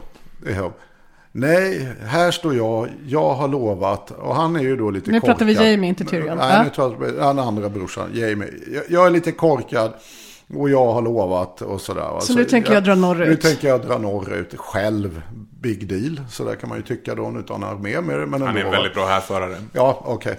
Förlåt. Ah, Bra, bra kille. Men, Ingen klagar på Jamie i det här rummet. Okej, men det är, han är väldigt bra här för. Men då, då är liksom, utan någon anledning ska man förstå att scenen är satt genom att hon kan bara antingen välja att döda honom eller låta honom rida iväg. Och för mig blir det så här, alltså hur lite fantasi har man om man tror att det är bara de två. Alltså att hon inte i det läget bara var så här, ja fan vad skönt, men eskortera honom till hans rum och så har han husarrest och så kör ni in massa mat och vin där och så vidare. Och så kan jag till och med komma förbi och bonka någon gång då och då om inte han är allt för sur.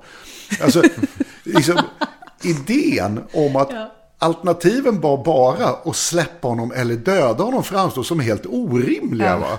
Och han, och han, du vågar inte döda mig. Eller du vill inte döda mig. Och då bara går han. Jaha, vad skönt. Det var bara de två grejerna. Ja, den, den är så... Alltså det är, tio, det är ju bara en, tio minuter, en kvart där. Men hela den plotten är så illa skriven som man dör. Alltså. Men är de inte lite härliga här? För att de är ju så här, de är totala drama queens allihop liksom. All, alla, alla håller bara på med liksom någon sorts skådespel för varandra. Jo, det är ju I en härligt. men- amfiteater. Ja. Alltså även drama queens har ju någon form av rationalitet i sig. Det är Inte det, alla. Nej, inte alla. Men jo, de är alltid arga eller upprörda över någonting och ser världen lite på sitt sätt. Och det köper jag. Va? Mm. Men här är det mer så här. Här flyger ingas drama queens utspel så att säga. Va? Till exempel det här, nej jag dödar dig. Därför då står ju den där brorsan till hounddoggen står ju där och ska dra sitt svärd liksom mot Jamie. Ja. Och, han, och Jamie är så här, du dödar inte mig typ sådär. Ja. Och så går han iväg och så är man så här, ja eller håll kvar honom. Det är ett schysst alternativ det med. När jag såg om den där scenen idag så kände jag så, vilket jag tror inte jag gjorde det första gången jag såg den, men att jag kände så fruktansvärt mycket med Cersei. Alltså jag har varit riktigt, riktigt ledsen när Jamie drog nu, när jag såg det igen. Åh nej, nu är hon ensam i världen, tänkte jag. Att det var liksom, det var sorgligt, för hon står verkligen där väldigt ensam. Eh, Det säger Jamie också, men du Ja, har var det ingen, inte det han sa, du ja? har han ingen sa ju annan det. än mig. Ja, jag är den enda du har kvar i hela ja. världen. Och säger hon, there is one more yet to come. Och Ja. syftar på att hon är gravid då. Men det är ju inte så jävla mycket tröst att få en bebis är mest jobbigt liksom. Vem är det hon är gravid med? Jamie. Säger hon ja, men stämmer det? Ja, det tror jag. Alltså de har ju i alla fall legat och det var ju ett bra tag sedan hon, eh, jag menar hon, är ju inte, hon har inte varit gravid i jättelänge. Men är det det väl om karl som kommer att döda henne? Lillebrorsan som är i magen? Som, ja, typ att det blir omvänd strypning av med navelsträng. Ja. hon dör i barnsäng av sitt eget barns navelsträng. Så, nej men alltså typ, det verkar väl konstigt. Nej men hon kommer få ett missfall tror jag bara. I- Gissar jag. För att hon kommer, hennes, hennes profetia säger att hon ska få tre barn och det har hon redan fått. Nu tror hon att hon är fri från den, men hon är aldrig fri från den. Jag var lite så här nervig på, men bara för att man inte riktigt har koll. Men jag kände så här, är det där ens sant? Ja, det vet man Alltså ju inte. är hon ens gravid? Det kan ju vara det- hon kör. Ja, är det en skiss hon håller på med? Det, Hon det är kan ju mycket- vilja dupera både Tyrion och Jamie med det. Ja, jag att, hade lite eh, så här skiss-feeling över det hela. Mm. Men, men är verkligen folk så... Lömska. Löm, alltså, alltså, nej men alltså... Det är ju liksom så här. Det är ju en ganska hög nivå av liksom psykologisk manipulation att säga jag är gravid. Liksom. Det här är en väldigt episk historia. Plötsligt blir det väldigt... Det är ganska tajt. Ja, men det är väl liksom, det enda som skulle funka på Jamie och Tyrion. men det funkade ju inte. Nej, men det hade en chans att funka. Alltså båda är blödiga när det gäller sin egen familj. Så att eh, självklart så var det ett bra shot ändå. Men jag tror hon är gravid. Det tror jag Eh, med. Mm, men att det kommer gå åt helvete såklart. Frågan är bara hur. Ja, men min gissning då, vanligt missfall. Det pushar Cersei över liksom någon slags eh, mänsklighetens gräns. Eh, det, det är typ, hon tar inte mer nu. Hon är ensam i världen. Hon kommer bli, kommer bli kallare och kallare och hårdare och hårdare av att inte Jamie eller någon som hon bryr sig om finns i hennes närhet.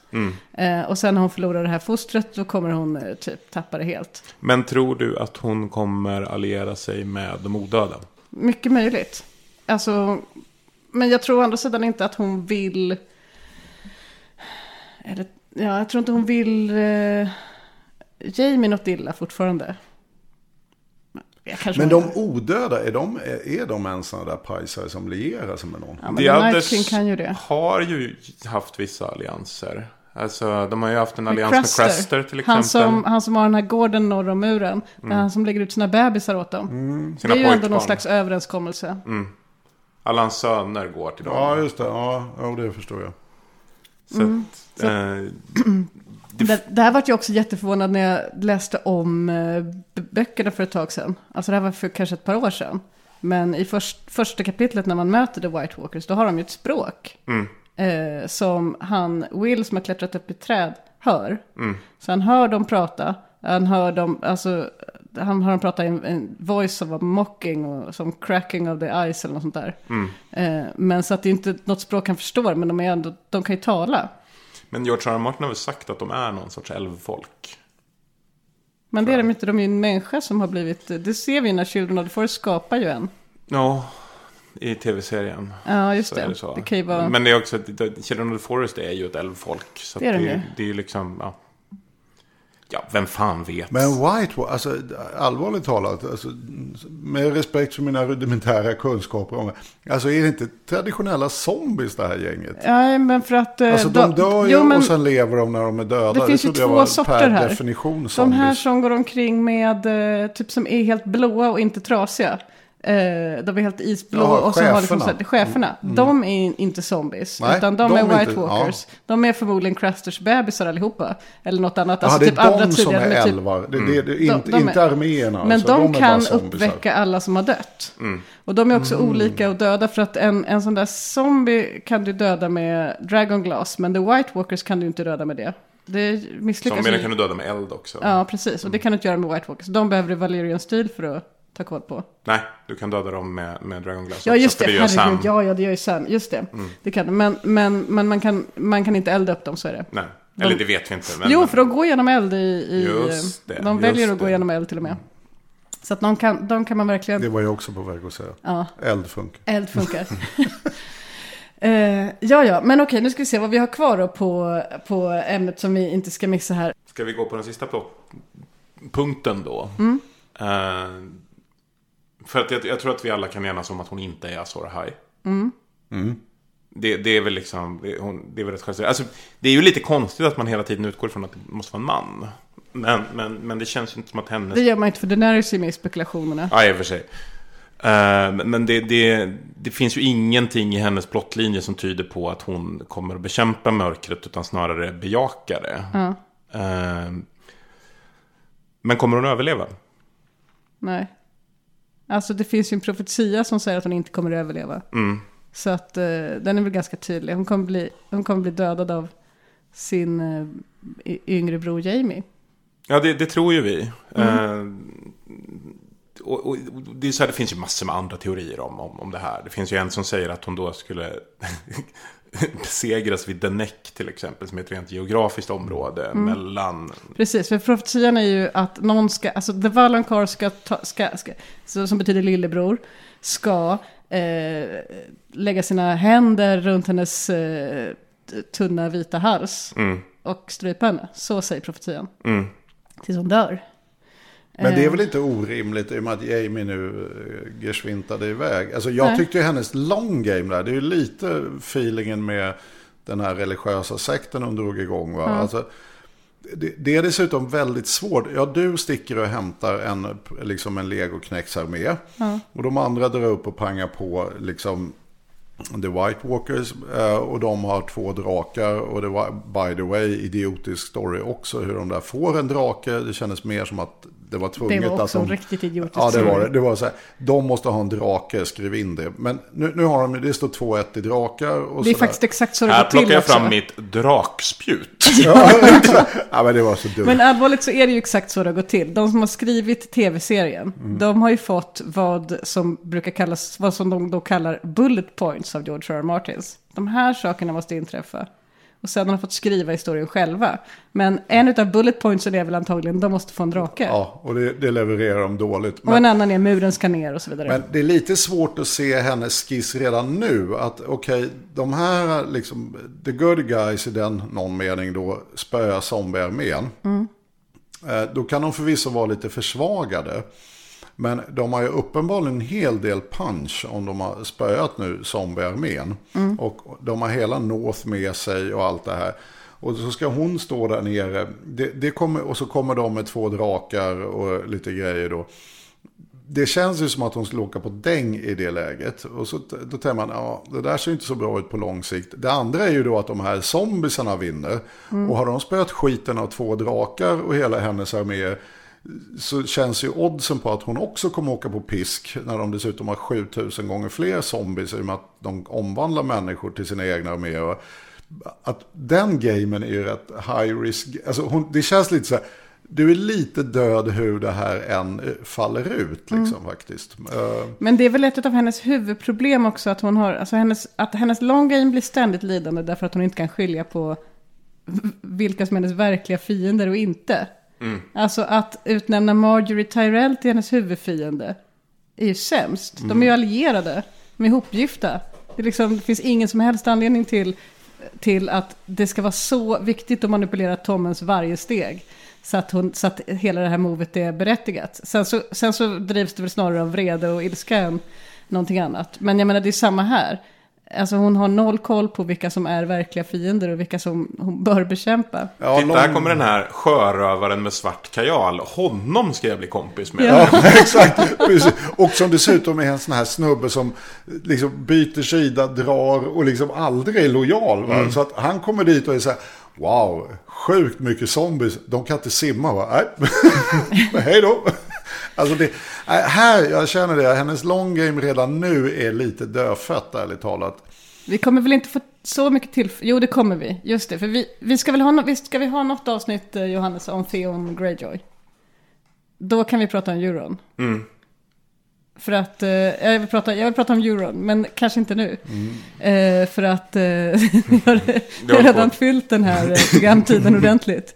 Men, men jag tycker ändå, jag vill bara så ha en liten anteckning här om att jag tycker att det är lite tråkigt att de har gjort För att eh, Euron Greyjoy, Grey, Greyjoy är i böckerna en otroligt ond eh, skurk. Eh, men något av en pajas i tv-serien. Som kommer in och bara sprätter och beter sig. Men han är liksom, han är väldigt mäktig och han är väldigt eh, ondskefull i böckerna. Han och har man huggit är- tungan av alla i sin besättning Ja, exempel. därför att hans skepp är Silence, för han orkar inte med något pladder. Mm. Ehm, han har varit i det dömda Valyrien och hämtat hem en eh, draklur och en eh, hel rustning i valyriskt stål. Mm. Ehm, och han ska med den här drakluren ta över Daenerys drakar. Och han har typ misshandlat hela sin familj under hela sin uppväxt också, så att alla är helt traumatiserade utav Theons pappa, Theons eh, farbröder. Är liksom totalt traumatiserade. För Euron är en av farbröderna, men han, typ, han, han har varit så ondskefull under hela uppväxten att alla är typ helt traumatiserade av att ha växt upp med Euron. Ehm, och han kommer då in och ska gifta sig med Cersei, men då är han ju bara en härlig snubbe. En härlig pirat liksom. Ja, det där framgår ju inte alls Nej, riktigt. verkligen. Den här Jag, jag tycker att de på- har, eh, de har liksom, men jag tänker mig att de, i, i, jag tänker mig att han är viktig i the endgame på något sätt, eftersom han är med här. Ehm, så på något sätt kommer han ju spela en roll, och då kanske man, då kanske hans eh, supervillain-krafter kommer Ja, men i- alltså det är väl omöjligt att tänka sig att zombiearmén vinner. Va? Alltså någonstans så vinner ju liksom eh, Daenerys och gänget. Eh, och sen så i och med att brorsan nu har hoppat skacklarna. Så blir det väl någon slutfight emellan brorsan och syrran. Och det är väl där hon åker på däng helt enkelt och dör. Det är väl liksom den rimliga tolkningen. Tänk vad bra det vore om de istället tog ett nytt möte. Ja, Ett exakt. Där de utvärderade hur har det gått sen Ja, sist. jag tänkte också ett utvärderingsmöte. Varför? Powerpointen gick bra. Där är vi nöjda allihopa. Sen händer en del grejer som vi har lite anledning att diskutera. Att man skickar ut en enkät, alla får säga vad de tyckte. Och sen så kommer man fram till att det här gick inte riktigt bra. Vi, vi tar ett nytt varv bara. Och så kan Tyrion säga det att det här mötet är inte till för att peka finger. Nej. Vi har alla del i att det här lite havererade i kommunikationen. Särskilt Jon Snow. Särskilt Jon Snow. Du kan skaffa ett par IQ-poäng till. så kommer det gå bättre nästa Hur gång. ska vi nu reda ut det här? Ja, men vi kan hoppas på det. Ett spånmöte helt enkelt. Det är det som är the bittersweet ending som George R. Martin har flaggat för. Ehm, ja, men vi avslutar väl här då. Mm. Vem har skrivit den här sjukt bra vignetten vi har? Det har ju Ragnar Schön gjort. Ragnar Schön. Mm. Det är en grymt bra vignett. Det är en väldigt bra vignett. Vem har... eh, ve- vad heter våran... eh, vad heter det? Facebook-sida, våra Twitter? Det heter bara Weirwoodpodden. Ja, det gör det. Mm. Och hur mejlar man oss? Det är väl weirwoodpodden.gmail.com. Ja, det är väl allt man behöver veta. Jag tror faktiskt att det är det. Ja, kul att snacka ett varv till. Tack så jättemycket för att du kom Sandro. Tack själv, det var kul. Hej då. Hej. Hej. If you think this has a happy ending, you haven't been paying attention.